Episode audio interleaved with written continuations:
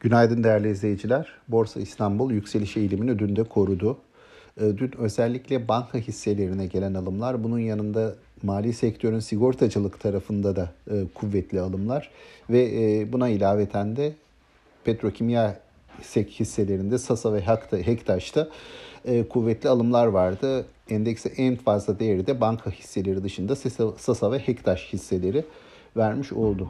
Dün yurt dışı tarafta da e, nispeten olumlu eğilim devam etti. Gün içerisinde bu jeopolitik riskler nedeniyle bir dalgalanma olsa da ve bunun da borsa içerisinde bize yansıması da olsa da bu kısa süreli e, oldu. Günün sonunda kuvvetli alımlar endeksi rekor seviyelerde kapatmayla neticelenmiş oldu.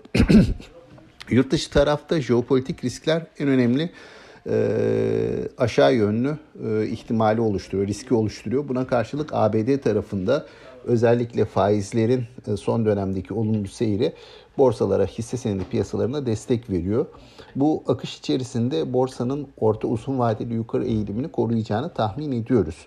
Bununla birlikte bugün dünkü alımların ardından hafif yatay bir seyirle açılış gözlenebilir. E, borsa genel olarak yukarı yönlü trendini korurken güne yatay seviyelerde başlayabilir diye düşünüyoruz. Aktaracaklarım bunlar. Sağlıklı, bol ve bereketli kazançlı günler dilerim.